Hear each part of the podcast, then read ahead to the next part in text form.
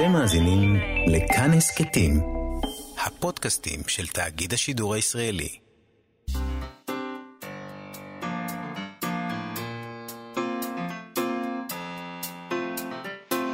מה שכרוך עם יובל אביבי ומה יעשה לה. שלום, צהריים טובים, אנחנו יובל אביבי ומאיה סלע במה שכרוך, כאן תרבות, שמחים שהצטרפתם אלינו ב-104.9 או 105.3 FM.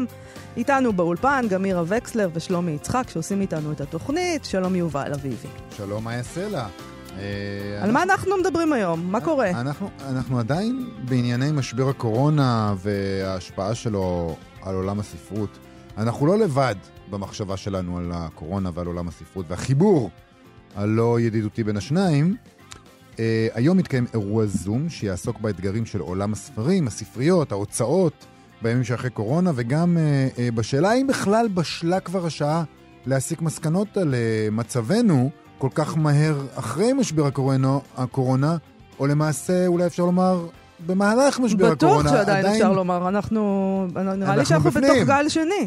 אה, ככה זה נראה. כן, אני לא יודע. משהו קורה. אני כבר, את יודעת, אני מפחד לדבר על קורונה, כי אתה אומר, תשמעו, זה נראה כמו גל שני, ואז אומרים לך, סליחה, סליחה, סליחה, איפה התואר שלך באפידמיולוגיה? ואני כזה, אה, הכלב אותו. אוקיי, אנשים עדיין נדבקים בקורונה, נכון? זאת עובדה, לא- מותר לנו להגיד את זה. זה לא אה, נעלם. ולא מעטים. זה לא כמו הסארס, שאתה אומר, אוקיי, זה מאחורינו כרגע. אין סארס, נכון. אז יש קורונה. קורונה עדיין יש. אז, אז אנחנו אז... נדבר עם uh, מנחת האירוע, האירוע על uh, אתגרי עולם הספרים, הספריות וההוצאות, דוקטור ננה אריאל. אנחנו גם נדבר איתה על, על ספר ילדים. נכון. ספר ילדים מקסים שהיא כתבה, יצא עכשיו בהוצאת אסיה. נקרא הספר הכי משעמם בעולם, אבל הוא לא משעמם. לא, הוא ספר נהדר. אני מאוד אהבתי אותו. אני ספר, רוצה להגיד שאני לא קראתי את כל הספרים בעולם, אבל כבר קראתי ספרים יותר משעממים, בוודאות. לא, הוא לא משעמם לא בכלל, לא לדעתי, אה, אה, לדעתי ילדים גם אה, מאוד ידלקו ממנו. אה, הוא כן. מאוד מדליק. אוקיי. גם, גם, נרא, גם המראה שלו מגניב. חלק מהעניין שם זה בעצם הדבר הוויזואלי שהיא עושה. נכון. אז אנחנו נדבר איתה על שני הדברים האלה. נדבר גם עם אביגיל קנטורוביץ' על אסופת הסיפורים הקצרים אה, אה, שערכה ביחד עם עמרי חורש. עשר דקות גג. היא מתפרסמת היום כקובץ שמע בלבד. נכון. אין, לא תוכלו לקרוא את העניין הזה. תוכלו אה, לשמוע. רק לשמוע. והאסופה הזאת כוללת אה, סיפור חדש שמעולם לא פורסם, של אמיר גוטפרוינד, סופר שמת ב-2015. אמת. אבל אה, בואו נתחיל עם אביבה עזז, כפי שהיא מתגלה במכתבים שמפרסם גיל וייסבלאי, מנהל ארכיון יד למורשת חיים עזז בעיתון הארץ.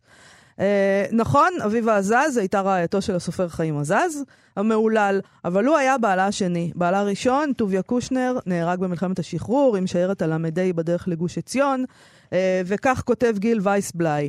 עד לאחרון ימיה ממש הגתה אביבה עזז באהוב נעוריה, חוקר הטבע טוביה קושניר. באחת משיחותינו האחרונות סיפרה לי כי שמורים ברשותה כל מכתביו.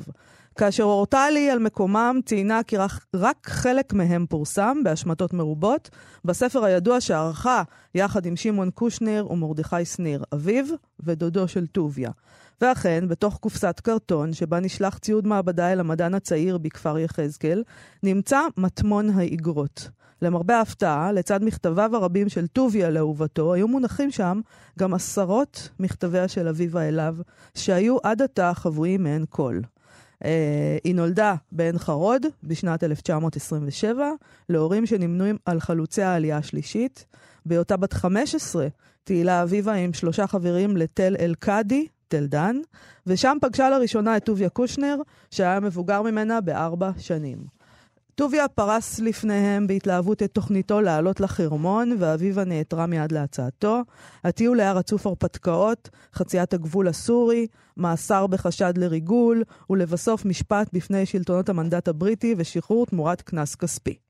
זה היה ראשיתו של סיפור האהבה בין השניים ותחילתו ותחילתה של התכתבות אינטנסיבית. במכתביו אל אביבה התגלה טוביה כמשוררו של הנוף הארץ-ישראלי במלוא עושרו ודקויותיו.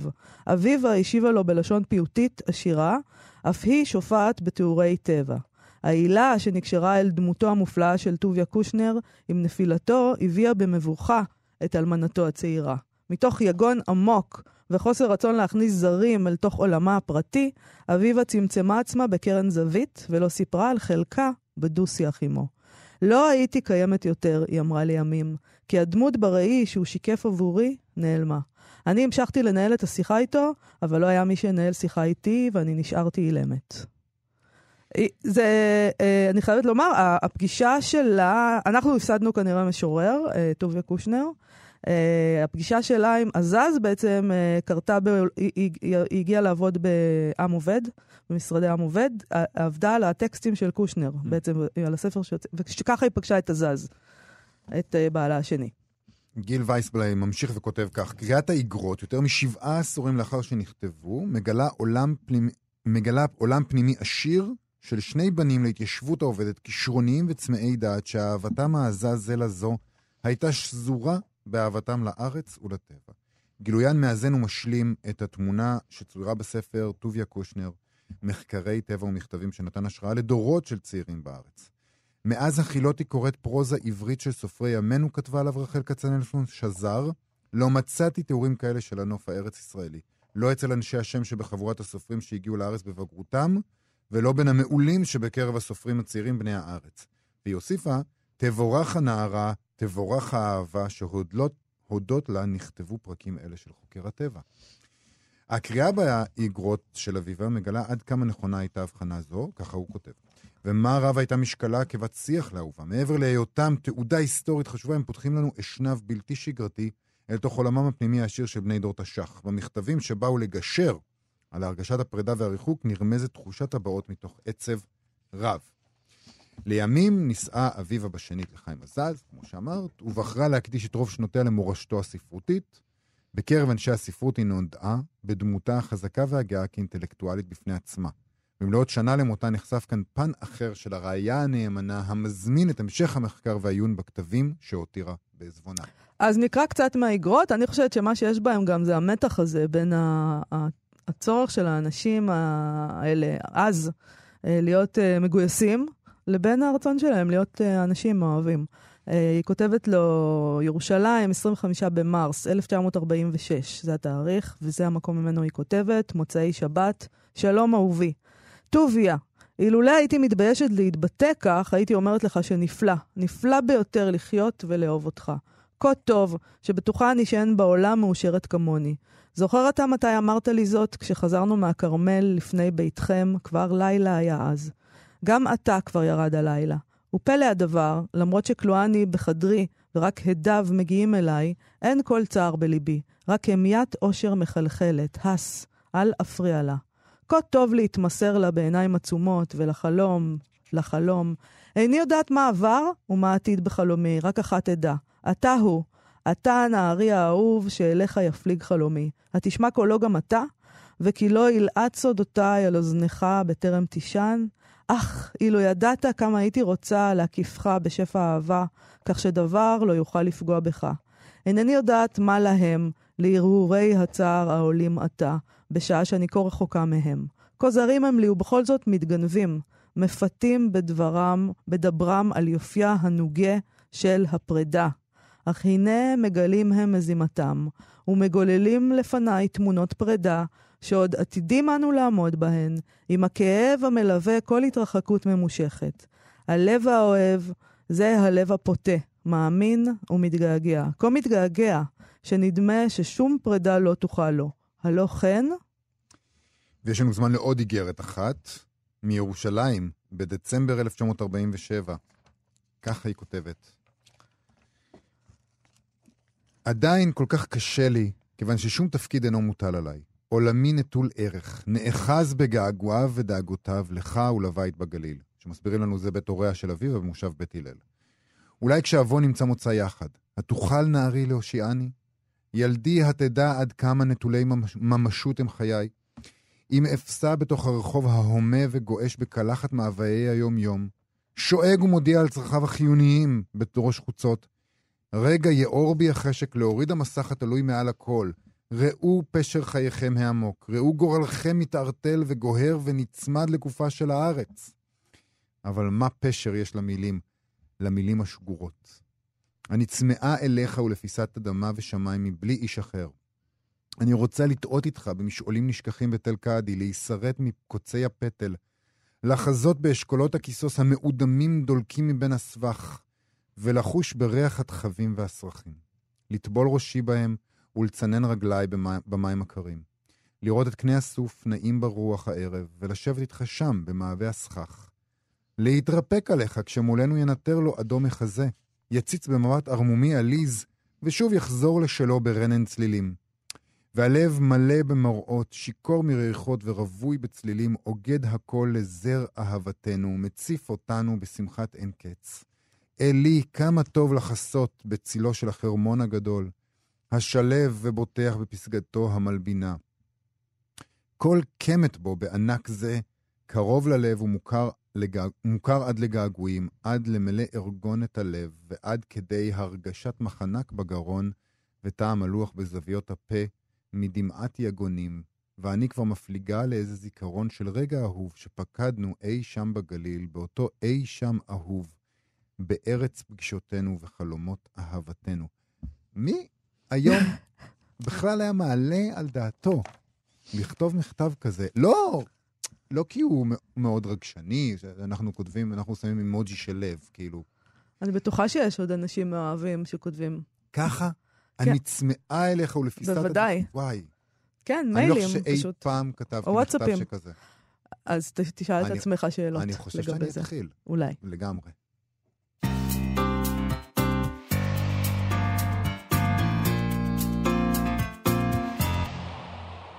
כאן תרבות, אנחנו יובל אביבי ומאיה סלע, מה שקרו, חזרנו, משבר הקורונה, עוד פעם, משבר הקורונה, אולי כבר צריך להחליף את השם, כבר אי אפשר להגיד את השם הזה. אוקיי, משבר הקורונה, אה, דיברנו על זה לא מעט בזמן האחרון, חשף והעמיק את המשבר העמוק שעולם הספרים נמצא בו כבר שנים. אה, ומה בעצם קרה בחודשים האחרונים אה, בעולם הזה, ואיך הופכים את כל זה להזדמנות, כי אנחנו עוד אנשים אופטימיים, בעיקר יובל. היום בשעה חמש התקיים אירוע של ספריית סורסקי באוניברסיטת תל אביב, בזום כמובן. קורונה, שינסה לענות על השאלות האלה. מה עושים ולאן הולכים ומה קרה. את האירוע הזה תנחה דוקטור ננה אריאל, והשתתפו דוקטור נעמה שפטלוביץ', מנהלת הספרייה המרכזית על שם סורסקי, מירה רשתי, מנהלת חנות הספרים העצמאית סיפור פשוט, והעורכת הראשית של מגזין גרנטה בעברית, ושירה חפר, מולית, הוצאת לוקוס. אמ, אז אה, בואו נדבר רגע עם דוקטור ננה אריאל. שלום לך, ננה. אהלן יובל ומאיה, מה שלומכם? בסדר גמור. אה, אז אולי אה, נדבר, אה, יש גם את העניין של הספר המשעמם, אבל נתחיל עם הקורונה, אני חושבת. נתחיל עם האירוע. יאללה. על מה, מה עושים? מה יהיה? איך יוצאים מזה? האם את אופטימית? יאללה, האמת שבדיוק נגעת בזה שמשבר הקורונה זה כבר ביטוי טעון ולא ניטרלי. נכון. כל נקרא, אולי כל עוד נקרא לזה משבר, המשבר יימשך. הזדמנות הקורונה. הזדמנות הקורונה, בדיוק. אמ, אנחנו לא יודעים, אנחנו נמצאים בלב הסערה עדיין, תשמעו, שום דבר לא נגמר, ואני גם בספק אם יהיה איזה רגע כזה חותך שבו אפשר להגיד, יופי, נגמר עכשיו הזמן לרפלקסיה, אז אני חושבת שהזמן לחשוב הוא בדיוק עכשיו. שאנחנו באיזה מצב ביניים שהוא עוד יותר מבלבל אולי מהמצב של הסגר. אז, אז נגיד אה, שתיים מהדוברות שמשתתפות, אה, מירה רשתי ושירה חפר, עשויות להגיד באמת שהחודשים האחרונים, השבועות האחרונים, היו סבבה, כיוון שלא היו רשתות גדולות, אז החנויות העצמאיות פרחו. אתה ו... חושב שזה מה שהם יגידו? עשויות, אמרתי. Mm. עשויות, הן אופטימיות. אנחנו מדברים באופטימיות, נכון? ו- אני, אני... ושירה חפר okay. אוקיי. אמרה, ממש, לא צריך uh, לחשוב מה היא עשויה להגיד, כן, אמרה, נכון. היה לנו מצוין. לא היו רשתות, ההוצאות הגדולות נדמו, אנחנו היינו הוצאות קטנות זריזות ו- ורזות, ניצלנו את הדבר הזה, עשינו משלוחים בעצמנו, יופי. כן, תראה, אני חושבת, אני מסכימה באופן כללי ש, שזה טוב שיש עכשיו במה להוצאות הפרטיות שהתגלו בגדולתן. זאת אומרת, התגלו כל היתרונות שיש להוצאות פרטיות על פני הוצאות ממוסדות עם מנגנונים מסובכים. ומצד שני, בשיחה הזאת אני אשמח לנתב אותה לכיוון קצת, אה, קצת, קצת יותר רחב ופנורמי, שבו לא, אין גורם אחד שמדבר על חשבון הגורם השני, אלא אנחנו מבינים בצורה קצת יותר הוליסטית מה קרה בעולם הזה, על כל השחקנים שלו. אה, חנויות קטנות וגדולות והוצאות קטנות וגדולות נמצאות באיזה דינמיקה ואינטראקציה, אין אחת בלי השנייה לדעתי. ובואו נוסיף לזה גם את הסופרים, את המדפיסים, זאת אומרת, זה ממש אקולוגיה שלמה כזאת שצריך לחשוב עליה באופן שלם, בעיניי. אני רוצה לקחת uh, כמקרה מבחן את דוקטור ננה אריאל, אותך, שמעבר להיותך חוקרת ומרצה לרטוריקה בפקולטה למדעי הרוח באוניברסיטת תל אביב, את הקמת גם בית דפוס ביתי, uh, זעיר, דפוס בית, וגם את סופרת ילדים טריה, הספר הראשון שלך יוצא עכשיו, עכשיו, במשבר הקורונה, הספר הכי משעמם בעולם. זאת לא ביקורת, כך, זהו שם הספר. אה, לכבוד הוא לי. שיצא ממש עכשיו בהוצאת אסיה. אה, אז זאת אומרת שאני רואה, אם אני מסתכלת עלייך, ננה, וגם ראיתי כמה אירועים בהנחייתך בזמן הזדמנות הקורונה, אה, זו הייתה הזדמנות נהדרת. כן, אפשר להגיד את זה. נכון, נכון. נגיד אה, בעניין ספר הילדים, אפשר להגיד שזה ספר שלא לא היה יכול לצאת אם הוא לא היה יוצא בהוצאת אסיה, שהיא הוצאה קטנה, ו, ובזכות האינטראקציה עם מירב שאול, שהייתה מאוד קרובה, אה, ושהתאפשרה בגלל שאף אחד לא היה צריך לצאת לחל"ת. וזה קורה מראש בגלל שלא משלמים לאף אחד. זה מודל פנטסטי. זה מודל מעולה, נכון. מודל עסקי נפלא, נכון. ומצד שני ההוצאה הזהירה שלי נמצאת בכלל מחוץ לכוחות השוק בצורה... בצורה טוטאלית, כן? אנחנו מדברים על אה, עותקים שנתפרים בעבודת יד אה, בבית שלי, יחד עם בן זוג שלי אורי יואלי, אז באמת אה, גם במובן הזה שום דבר לא עצר בזמן הקורונה, אלא ההפך, המשכנו לעבוד. וכן, התגלה פה משהו על הכוח של יוזמות עצמאיות וקטנות לעומת כוחות כלכליים יותר ממוסדים, אין ספק. גם יש איזה... מצד שני, יש לי גם ספר בהוצאה ממוסדת, הוצאת בר אילן, שאני בטוחה ששם הייתה דממה. אז... נכון, נכון. אני, אני רוצה... אנחנו גם לא יכולים להיות באמת מרוצים, אני חושבת, מזה שנגיד ההוצאות גדולות אה, בהדממה ואולי אפילו קורסות או מאוד מאוד מתקשות. קשה להיות מרוצה מזה, כי, כי אם את מדברת על אה, להסתכל על הדברים מבחינה הוליסטית, אז ההוליסטית זה אומר שזה כולל את כל הקשת. אם אנחנו נישאר רק עם ההוצאות, התשע הוצאות קטנות, אז אה, לא יהיה פה עולם ספרות. ממש ככה, אני חושבת ש... זו דינמיקה. אין פה כוח, אה, הרבה אפשר לדבר באמת על, על, על אה, ההשפעות השליליות שיש לכוחות היותר, השחקנים היותר חזקים בשוק, יש להם, אבל, אבל עדיין זו דינמיקה, והקטנים והגדולים מזינים אחד את השני בעיניי, אי אפשר להפריד אותם. גם יכול להיות אבל בעצם, שאת אומרת, אנחנו מחוץ למשחק בכלל. אה, יש איזה מעבר בקרב אוכלוסיות מסוימות, נקרא לזה, למשהו בוטיקי, כמו קראתי בניו יורק טיימס אה, אה, מאמר לפני כמה זמן על חנויות סכינים בברוקלין, שהבן אדם יושב ומשחיז את הסכין בעצמו ועושה אותה לבד, וכל סכין עולה כך וכך. ויש אנשים שלא מוכנים יותר לקנות את הסכין שלהם בוולמארט או מה שזה לא יהיה, הם רוצים את הסכין של הברוקלין בסדר, יש גם אנשים שקונים את החליפה custom made בדיוק, אז יש איזה מין חזרה כזאת. לא, חזרה של אנשים שיש להם כסף לבוטיק, לא נחמד. אני לא בטוח שזה המקרה של דפוס בית. אה, אנשים שיש להם כסף לזרוק על אה, עותקים אה, של דפוס, אבל, אבל יש איזה מין רצון כזה במשהו בוטיקי, משהו שיש למעטים, משהו שמראה על הטעם הטוב שלך, ומהצד השני באמת ההסתכלות על ההוצאות הגדולות היא... נגיד, אנחנו יודעים את הדברים שדורשים הם לעשות, להדפיס באלפי עותקים לא נחוצים בכלל. אז אולי יש איזו אפשרות למצוא איזון בין שני הדברים האלה? זה משהו שבכלל יכול לקרות, או שהאיזון הוא בקיומם של שני הקצוות האלה? תראה, כל התופעות הבוטיקיות האלה, וגם בשוק הספרים, ולא רק, כמו שאתה אומר, סכינים וכולי, זה חלק גם ממהפך אה, או תרבותי יותר רחב, שקשור גם למשבר האקולוגי, ולחזרה לייצור קטן, ולתשוקה שיש לאנשים להתנזר מהייצור התעשייתי. באמת הרבה פעמים אני, אני מסכימה איתכם, אני חושבת שהרבה פעמים זה אנשים שידם משגת. זאת אומרת, אה, אלה דברים שהם לפעמים יקרים יותר, לא במקרה של דפוס בית, כי באמת אנחנו מוכרים בגרושים, אה, אבל, אה, אבל, אבל כן, זה, זה צורך של מיליה חברתי מסוים, להראות את המוסריות שלו אולי, את המצפון הנקי שלו ו, ואת הטעם הטוב שלו. אני, אני מסכימה, אבל, אבל הוא יכול להראות את הטעם הטוב שלו רק על רקע הטעם הכללי, אחרת זה לא היה נתפס נכון, כטעם טוב במיוחד. נכון. אני רוצה לדבר על הספר הכי משעמם בעולם. כן. Uh, ספרי איך הוא נולד. אני מאוד אהבתי אותו. איך ילדים מגיבים אליו? הוא מאוד מאוד מאוד טרי, הוא יצא לא, לא רק שבוע שעבר, אבל המעט אה, ש, שנתקלתי בינתיים, הוא אפילו לא הגיע, ל, לרוב החנויות הוא עוד לא הגיע בגלל העיכובים שיש לנו בגלל הקורונה, אה, אבל הדבר שקורה עד עכשיו זה שאנשים רואים את הטייטל הספר הכי משעמם בעולם, ובמקום uh, להידחות מזה, זה נורא מסקרן אותם. נכון. זה באמת תופעה נורא מעניינת. ואתה רואה, הספר מצהיר, הוא הכי משעמם בעולם, אז זה מסקרן. זה לא רק מסקרן, זה גם מראה על ביטחון עצמי. אה, כן, של... של הספר. כאילו, מי שמסתכל על הכותרת ואומר, הספר הכי משעמם בעולם, אומר לעצמו, אוקיי, הוא לא יכול להיות הכי משעמם בעולם, כנראה שיש משהו ממש מעניין בפנים, אם יש לו את הביטחון העצמי להכריז על עצמו ככזה. אז יכול להיות, העניין הוא שכשהם ייכנסו פנימה, הם יגלו שהוא באמת משעמם. זה לא ספר שהם מכריז על עצמו שהוא הכי משעמם בעולם, ובעצם הוא נורא מעניין. זאת אומרת, הוא, הוא, באמת, אה, הוא באמת משעמם, זאת אומרת, במובן הזה, במובן השגור של המילה, לא קורה בו כלום, אין בו עלילה. זה ספר ילדים בלי איורים, יש בו רק צורות מאוד מאוד בסיסיות. אה, באמת באמת לא קורה בו שום דבר. אז מה רצית להגיד על שעמום פה? תראו, שיומון זה דבר מרתק. דבר מרתק עם יחסי ציבור מאוד גרועים, אה, ואפשר להבין את זה, כי בסך הכל זו תחושה מאוד לא נעימה להשתעמם, לא צריך לייפות את זה, זה לא כיף בשום צורה להשתעמם.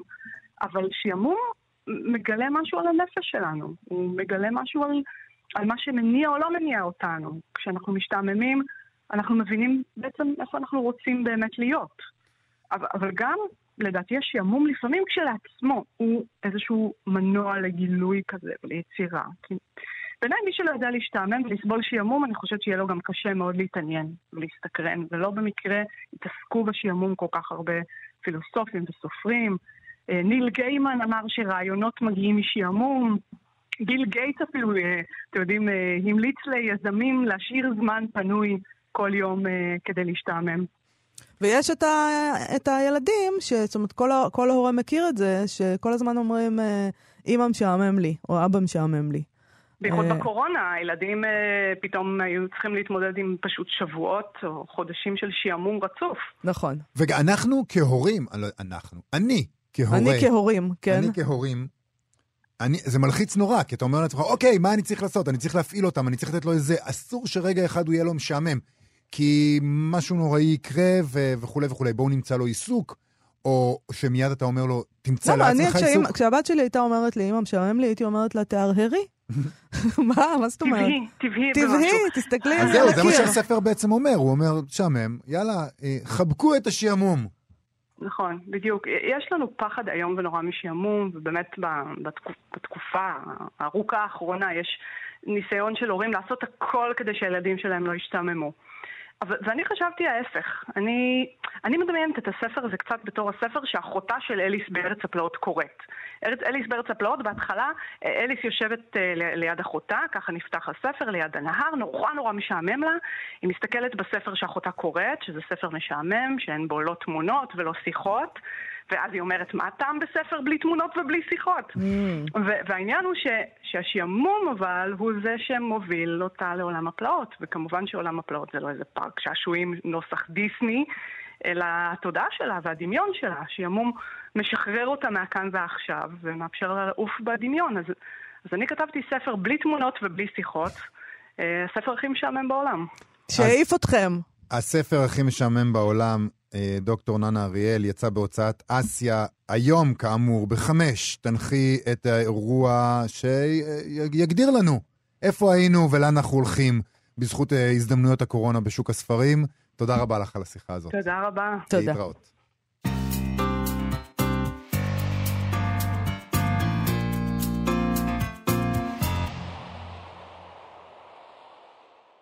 אנחנו יובל אביבי ומאיה סלע, כאן תרבות, מה שכרוך. לפני כמעט חמש שנים מת הסופר עמית גוטפרוין, מחבר הספרים שואה שלנו, בשבילה גיבורים עפים, בין היתר הרשימה עוד ארוכה, והנה אנחנו זוכים לקרוא סיפור חדש שלו שמעולם לא פורסם, ובעצם לא לקרוא, אלא רק לשמוע, לא רק, לשמוע.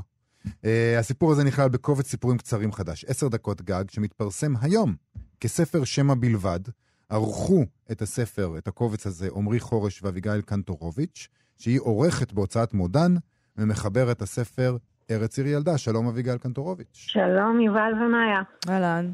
ספרי לנו קצת על הקובץ הזה החדש, מה יש שם ולמה שמע, למה רק שמע? למה רק שמע? אז קודם כל, אה, זה באמת גם אה, חלק ממשבר הזדמנות הקורונה. אני חושבת שאתם יכולים, לגמרי יכולים למתג את העניין. אוקיי. אבל כן, זאת אומרת, מתישהו במהלך הקורונה, אני ישבתי בבית, אני ועמרי, שהוא מחבר הספר החלות והמדרגות, מכירים דרך עבודתנו בתעשייה, בתעשיית הספרים. וחשבנו מה אפשר לעשות אה, בשביל ספרות המקור, ועלינו עם איזשהו מיזם שנקרא ספרות בימי קורונה, שבו כל ערב אירחנו בזום סופר, סופרת, אה, מבקרי ספרות מסוימים, אה, כל מיני אנשים שקשורים לתעשייה, וראינו שבאמת יש לדבר הזה הד, שיש ביקוי שאנשים רוצים לשמוע. והמיזם ירד, אבל הקורונה לא שמעה על זה והמשיכה. והתחלנו לחשוב מה עוד אנחנו יכולים לעשות. ובעצם אה, היו לנו ככה, למול עינינו, שלוש מטרות כשחשבנו על הרעיון הספציפי הזה של שמע. אה, קודם כל חשבנו על ספרות המקור, כי זה תמיד מה שאנחנו חושבים עליו, זה מה שמעניין אותנו. אה, המצב העגום של העובדה שאנשים לא קוראים כמעט ספרות מקור, אה, זה אחוז מאוד מאוד מאוד נמוך. מכלל הספרים, לא שיוצאים לאור, אלא שנקנים בחנויות. כן. זאת אומרת, יוצאים הרבה ספרים, אבל אין להם קוראים. ו- ולא בצדק, כי יש פה ספרות אה, בועטת ופועמת, ומעבר לזה שהיא אומנות, אה, אני חושבת שיש חשיבות מאוד גדולה לקיום של זירת ספרות פעילה. זאת אומרת, אני חושבת שהכתיבה והקריאה אלה דרכים לשקף, לתעד, לבקר, לחשוב.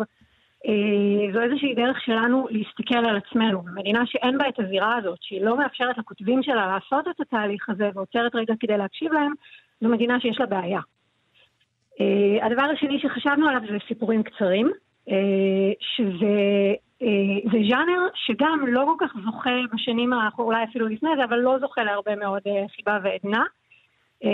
שוב, לא בצדק לדעתנו, זאת אומרת, יש במות לדבר הזה, יש כל מיני כתבי עת, זה כן מתפרסם בכל מיני מקומות, אבל אם תשימי על המדף בחנות הספרים קובץ סיפורים קצרים, רוב האנשים יעדיפו רומן. נכון. הם מרגישים שמרמים אותם עם סיפורים קצרים. אבל אולי עכשיו זה משתנה. לא התאמצו בשבילם. אולי עכשיו דווקא בזכות הזדמנות הקורונה זה משתנה, כיוון שלאנשים אין סבלנות עכשיו לקרוא 800 עמודים.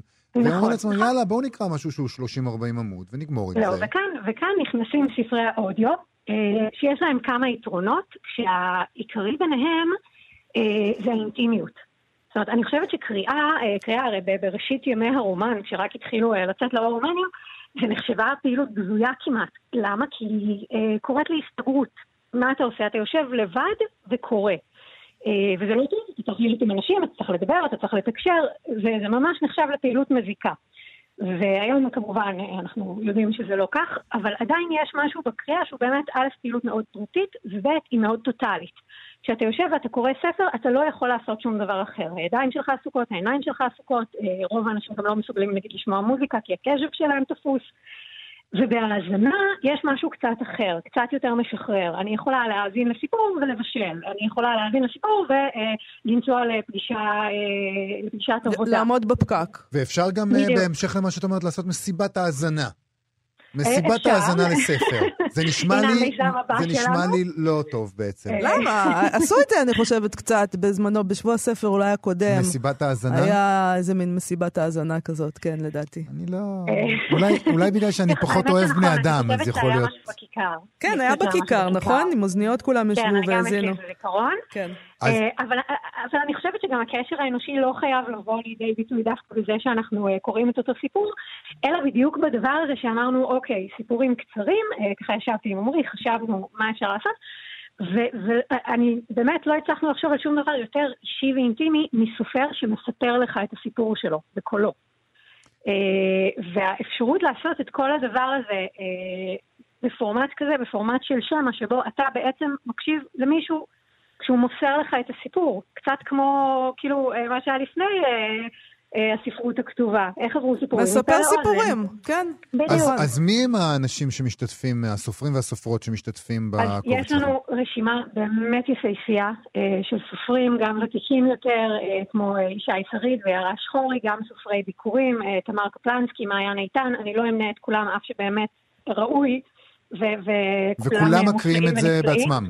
קוראים בעצמם. כולם, אה, כמעט כולם מקריאים את הסיפורים בעצמם, כן, אה, להוציא כמה שבאמת מאילוצים טכניים אה, זה לא יסתייע.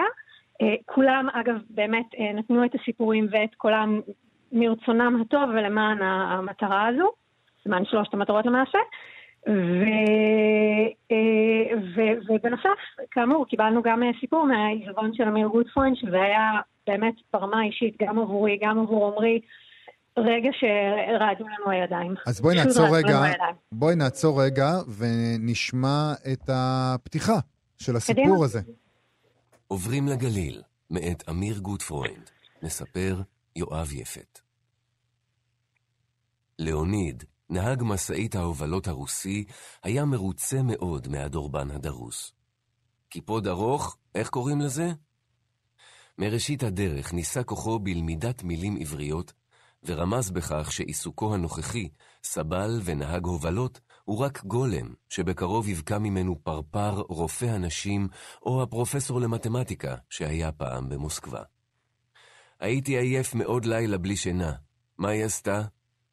המשאית עמדה במרכז הכביש עם כל ביתנו עליה, עשרים מטרים משער היישוב.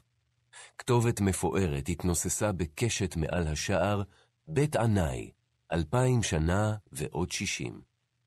רכב קטן אפור עקף אותנו בזהירות. דרסתם דורבן, אמר הנהג, והמשיך בדרכו לתוך היישוב. עוד מעט ידע כל מושב בית ענאי שהמשפחה החדשה, העירוניים מתל אביב, הבת והחתן של צילה ובנימין, דרסו דורבן בדרכם לבית החדש ולחיים החדשים בגליל הירוק. אז איך, איך, אה, איך הגיע אליכם הסיפור הזה? נהדר. כן. אה, זה נהדר, אני גם רוצה להגיד על זה באמת שמכיוון שלא יכולנו כמובן אה, לתת לאמיר לקרוא את הסיפור הזה, נעזרנו ב- ביואב יפת שהקריא את כל הספרים הקודמים של אמיר, שכולם זמינים באייקאסט, ורצינו ליצור איזה רצף באמת. זה גם, זה הקריין שאמיר בעצם בחר בעצמו, ורצינו ללכת עם הבחירה הזו. לדעת שהוא היה, הוא היה אוהב את זה. או אני מאוד כן. מקווה שכן, כן. כן. וגם באמת יש משהו ברצף הזה של, אה, של מישהו שכבר מכיר את הכל, ובאמת בהקשר הזה אני חושבת שקול אה, זה דבר מאוד מורכב. זאת אומרת, יש, יש את הקול שאנחנו מפיקים ממיתרי הקול ו- וכניסת אוויר, יציאת אוויר. אה, סליחה בפני כל רופאי אף אוזן ששומעים עכשיו איך אני עושה מזה בלאגן, אבל יש את הקול שלנו, ויש את הקול שלנו ככותבים. אני חושבת שהדבר שהיה הכי חשוב לי ולעומרי אה, בפרויקט הזה ובכניסה של הסיפור של אמיר, זה באמת שישמעו את הקול שלו, שישמעו שזה אמיר. והיה לי מאוד מאוד חשוב, היה לשנינו מאוד חשוב, באמת לשקף את הדבר הזה, את, ה, את הקול של המחבר הזה, את ההומור שלו, את הניואנסים שלו, את החמלה האדירה שהייתה לו ככותב, כבן אדם. וזה באמת מה שאנחנו מקווים שהצלחנו אה, לשקף ככה מעל הכל. אה, הגענו לזה דרך אה, מיכל, אה, אשתו, כעת אלמנתו, אה, שבעצם אה, אמרה, רגע, יש, יש בעיזבון סיפור קצר שיכול להתאים לפרויקט שלכם. אה, וכמו שאמרתי, באמת רעדו לנו הידיים, זה היה רגע מאוד מאוד מאוד מרגש, כל העיסוק הזה בעצם היה מאוד מרגש, וגם עם המון חרדת קודש. כי זה מאוד מאוד מפחיד לגעת בסיפור כשאין לך כבר את המחבר. כן. אה, אתה לא יכול להתייעץ, אתה לא יכול אה, להציע הצעות עריכה. אין, אין בעצם מי שיגיד זה כן, זה לא, אני רוצה קריין, אני רוצה לבוא בעצמי. ונהגנו בזה באמת אה, בחרדת קודש מוחלטת. אז עשר דקות גג, מי שרוצה להגיע לזה, זה בעצם כבר באוויר, כי איפה? איך שעה, מגיעים? שעתיים. אוקיי, זה זמין בחינם באתר ובאפליקציה של אייקאסט. אה, כאמור, לא מניתי את כולם, אבל זה 15 סיפורים יפהפיים של סופרים מאוד מאוד מוכשרים אחד-אחד. אה, כולם זמינים, כולם בחינם. אה, כולם כמעט, באמת עשר דקות, השתדלנו לעמוד בזה כמו שצריך. אה, צריך להיכנס לאתר או לאפליקציה, צריך להירשם. אה, הרישום הוא בחינם, לא צריך לעשות מנוי. רק להירשם, והכל זמין להאזנה, אה, בתור לרופא, אה, בדרך לפגישה עם המנכ"לית, אה, הכל, מתי שנוח לכם, כשיש לכם עשר דקות, זה מה שאפשר לעשות. אביגיל קנטורוביץ', עורכת עשר דקות גג. תודה רבה לך על השיחה הזאת. תודה לכם. תודה. ביי ביי.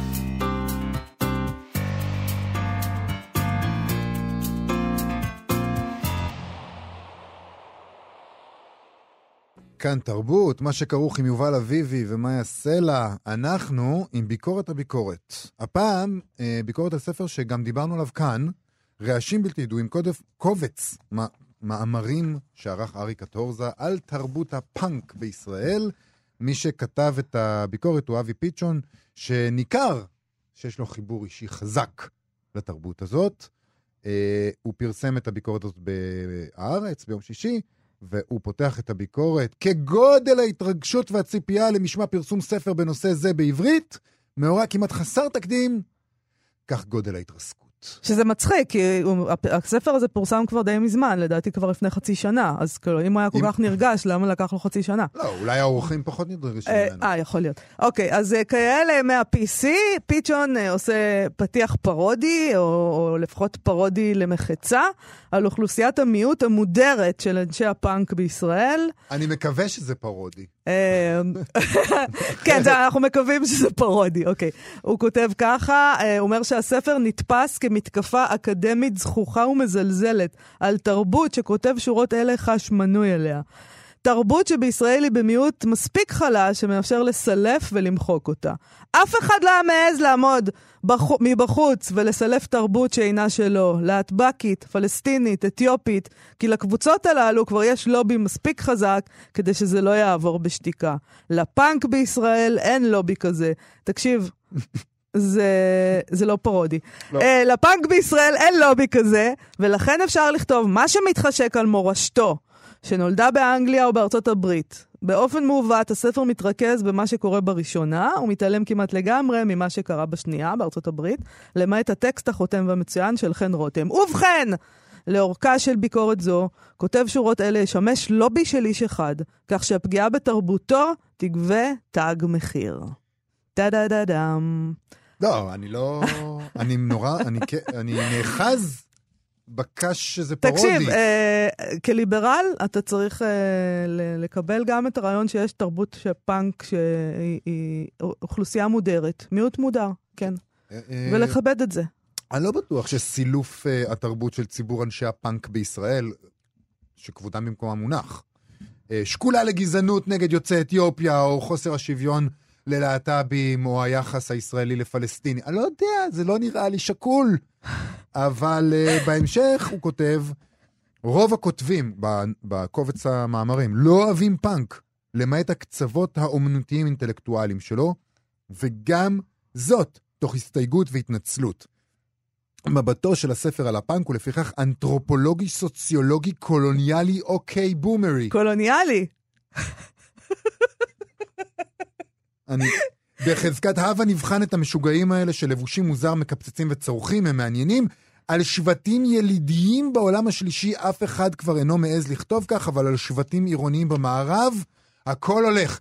מישהו פה, עם...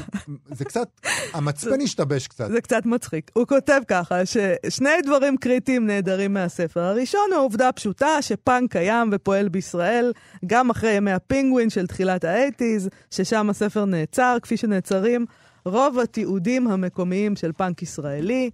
פסקה, שורה, אפילו מילה על פאנק עכשווי בישראל, אין. זה יכול לנבוע משתי סיבות. ראשית, למשתתפים באנתולוגיה אין מושג מה קרה באנדרגראונד הישראלי אחרי הקליק, ושנית, דינמיקת מעגל סגור, פחדני ועצלני. מה שראוי להתייחסות הוא רק מה שכבר נכתב עליו בעבר. הדבר השני שנעדר מהספר, לדבריו, מצדיק קריאה להחרים את הספר, והוא, רובם הגדול של הכותבים בו הם גברים אנשי אקדמיה.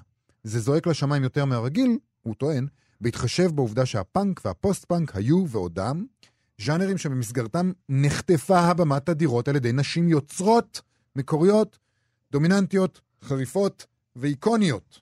בהמשך הוא כותב על זה, בנושא הג'נדרי אין אפילו הת- התנצלות כסת"חית במבוא. אפשר לש... לשער שהעורך וחבורתו יטענו שלצערם הם פשוט לא מכירים כותבות. אז הוא מוסיף, לטובת עורכי הדור הבא של הספרים על הפאנק בישראל, רשימה של כותבות שיכולות לכתוב על הנושא. זה נחמד, הוא לוקח אחריות ונכנס מתחת לאלונקה ומציע רשימה של כותבות אוקיי. מומלצות. פיצ'ון מותח ביקורת על כל מיני נקודות ספציפיות במאמרים השונים בספר. למשל, ניכרת גם סלידה פוליטית מהפאנק. סלידה פוליטית מהפאנק בספר. כבר במבוא מפגין ארי קטורזה סימפתיה לתאצ'ר, הנמסיס של הז'אנר, שזה באמת, כאילו, לסמפת את תאצ'ר ולכתוב על פאנק. באמת. אה, זה, לא, זה, אבל זה, זה קומי. באמת- זה באמת- זה באמת פרודי, כן. אוקיי. אה, הוא כותב... אה, ארי קטורזה. ארי כותב. קטורזה, הוא מצטט כן. את ארי קטורזה, שהוא כתב, בסך הכל היה היגיון בחלק מהנושאים שטיפלה בהם. וואו. זה משפט חריף. את ההתנגדות לה הוא מנסח בזלזול. מוזיקאים בריטים אהבו לשנוא את תאצ'ר. זה כאילו, הוא מצטט את קטורזה. כאילו העמדה הפוליטית המנומקת והפואטית שלהם נגדה הייתה טרנד אופנתי שטחי. את הניתוח המעניין שלו, של השבר הפוסט-מודרני, שבהחלט רלוונטי לפאנק, קטורזה מסיים בטונים נאו-שמרניים, השם מרחם, משבר האמונה האופנתי שהתפשט בעולם המערבי. אבל פסקת הסיום מסכמת את העניין. רעשים בלתי ידועים הוא הספר הכי גרוע שקראתי בחיי על פאנק, פוסט-פאנק וניו וייב. רוב הזמן הרגשתי כאילו אני קורא ספר לימוד. תדע כל אם עברייה שעליה לחשוד בכל ספר אקדמי בעברית בנושא פאנק, נראה כי עד שלא תטואטא האליטה הישנה. לא תשתנה הכתיבה על אודותיו. אה, לי זה נראה כאילו אבי פיצ'ון אה, פשוט אה, לא מבין למה לא הזמינו אותו לכתוב בספר הזה, או את הספר הזה, כן. או לערוך את הספר הזה. אבל צריך להגיד עוד משהו אחד קטן. צריך להחליט בין שמרנות לבין רדיקליות. להגיד, היי, תראו את כל הציבורים המודרים האלה, למה מדירים אותה, למה להם יש לובי ולי אין? זאת שמרנות. להגיד, היי, מה עם הלובי של הלהטב"קים? מה עם הלובי הפלסטיני? מה עם הלובי של יוצאי אתיופיה? מה, איתי לעומת הלובים האלה? זו עמדה שמרנית. אז להציג את עצמך כרדיקל אחרי שהצגת את העמדה השמרנית הזאת, זה קצת מוזר. מוזר. אוקיי, יש לנו ממש קצת זמן, אה, סטטוס נכון? ספרותי. אז אה, סטטוס ספרותי, נקרא סטטוס של הסופרת, חלק מסטטוס של הסופרת והמולית רנה ורבין, שהוציאה לאחרונה את הספר איך כדאי לחיות, ועכשיו היא מתמודדת עם הביקורות, או אמורה להתמודד עם ביקורות. אולי לא תתמודד איתם, הנה היא כותבת ככה, יצרו קשר ממוסף הספרים של הארץ, שאשלח להם ספר שלי לביקורת. כבר העברתי להם לפני חודשיים בערך עותק דיגיטלי, אבל הם רוצים פרינט. אין לי שירות שליחים, אני די בטוחה שהתוצאה תהיה קטילה זוועתית כמיטב המסורת, ואני תוהה למה בעצם מוספי ספרים לא רוכשים בעצמם את הספרים לביקורת. מבקרי המסעדות מקבלים ארוחות חינם? למה שמבקרי הספרים יקבלו ספרים חינם? אמנם יש לי איזו סקרנות מזוכיסטית לראות איך יקטלו אותי ועד כמה אכזרי זה יהיה, אבל בעצם למה אני צריכה גם לשלם על זה? אמ, יש משהו במה שהיא אומרת. כן? מה יש בזה? שיקנו ספר, מסכנים, לא, אף אחד לא קונה ספרים יותר. טוב, עונה לה שם הניצ... אה, הסופר ניצן וייסמן, אה, אולי לא יקטלו. אותנו גידלו שכל עוד מאייתים את שמנו נכון והתמונה טובה, אף אחד לא יזכור מה כתבו. והיא עונה לו כך, אני, אחרי הקטילה האחרונה במוסף, לא הצלחתי לכתוב שלוש שנים, למרות שהרגשתי שהגיע לי להיקטל מבחינה קרמטית. קטילה זה דבר קוטל, זה לא מומלץ, אבל הנה הם כבר כתבו שישלחו לי שליח מחר, אז אבוד לי. אולי גם לא יקטלו. טוב, אה, על זה הוא, הוא ענה לה, מרטין איימיס כתב פעם שאם כתבו על הספר שלך משהו רע בעיתון הבוקר, הגיוני שהלך לך התיאבון לארוחת הבוקר. מה שלא הגיוני הוא שהתיאבון לא חזר עד ארוחת הצהריים. כן. לא מעט אנשים שם בתגובות אה, אומרים לה, אין דבר כזה אה, פרסום שלילי. גם בעצם זה מה שהמובלע בדברים של ניצן וייסמן. ואני ממליץ לחבר'ה האלה לקבל באמת ביקורת שלילית במוסף ספרים של הארץ, כדי להרגיש האם הם עומדים מאחורי זה. אני ממליצה אה, לחבר'ה האלה לחיות באיזה מין אה, עולם כזה, אה, ספרות, כפי שהם מדמיינים לעצמם, שבו יש סופרים, יש להם אפילו קוראים, אין ביקורת ספרות בכלל, אין מבקרים, אין תהודה, אף אחד לא מדבר על הספר שלכם. אתם, וזה, ואז יהיה לכם נורא טוב, כי הקרמה שלכם תהיה חיובית. וזו זמננו לסיים היום. תודה רבה לירה וקסלר ושלומי יצחק, שעשו איתנו את התוכנית. אחרינו המעבדה עם גיל מרקוביץ', שהיום מארחת את הפרופסור יוני דובי, חוקר מערכות קוונטיות. בפרק הראשון אה, יהיה מבוא לפיזיקה הקלאסית. וואו. מעניין. אנחנו נהיה פה שוב מחר. יובל אביבי ומה יעשה לה להתראות. להתראות. אתם מאזינים לכאן הסכתים, הפודקאסטים של תאגיד השידור הישראלי.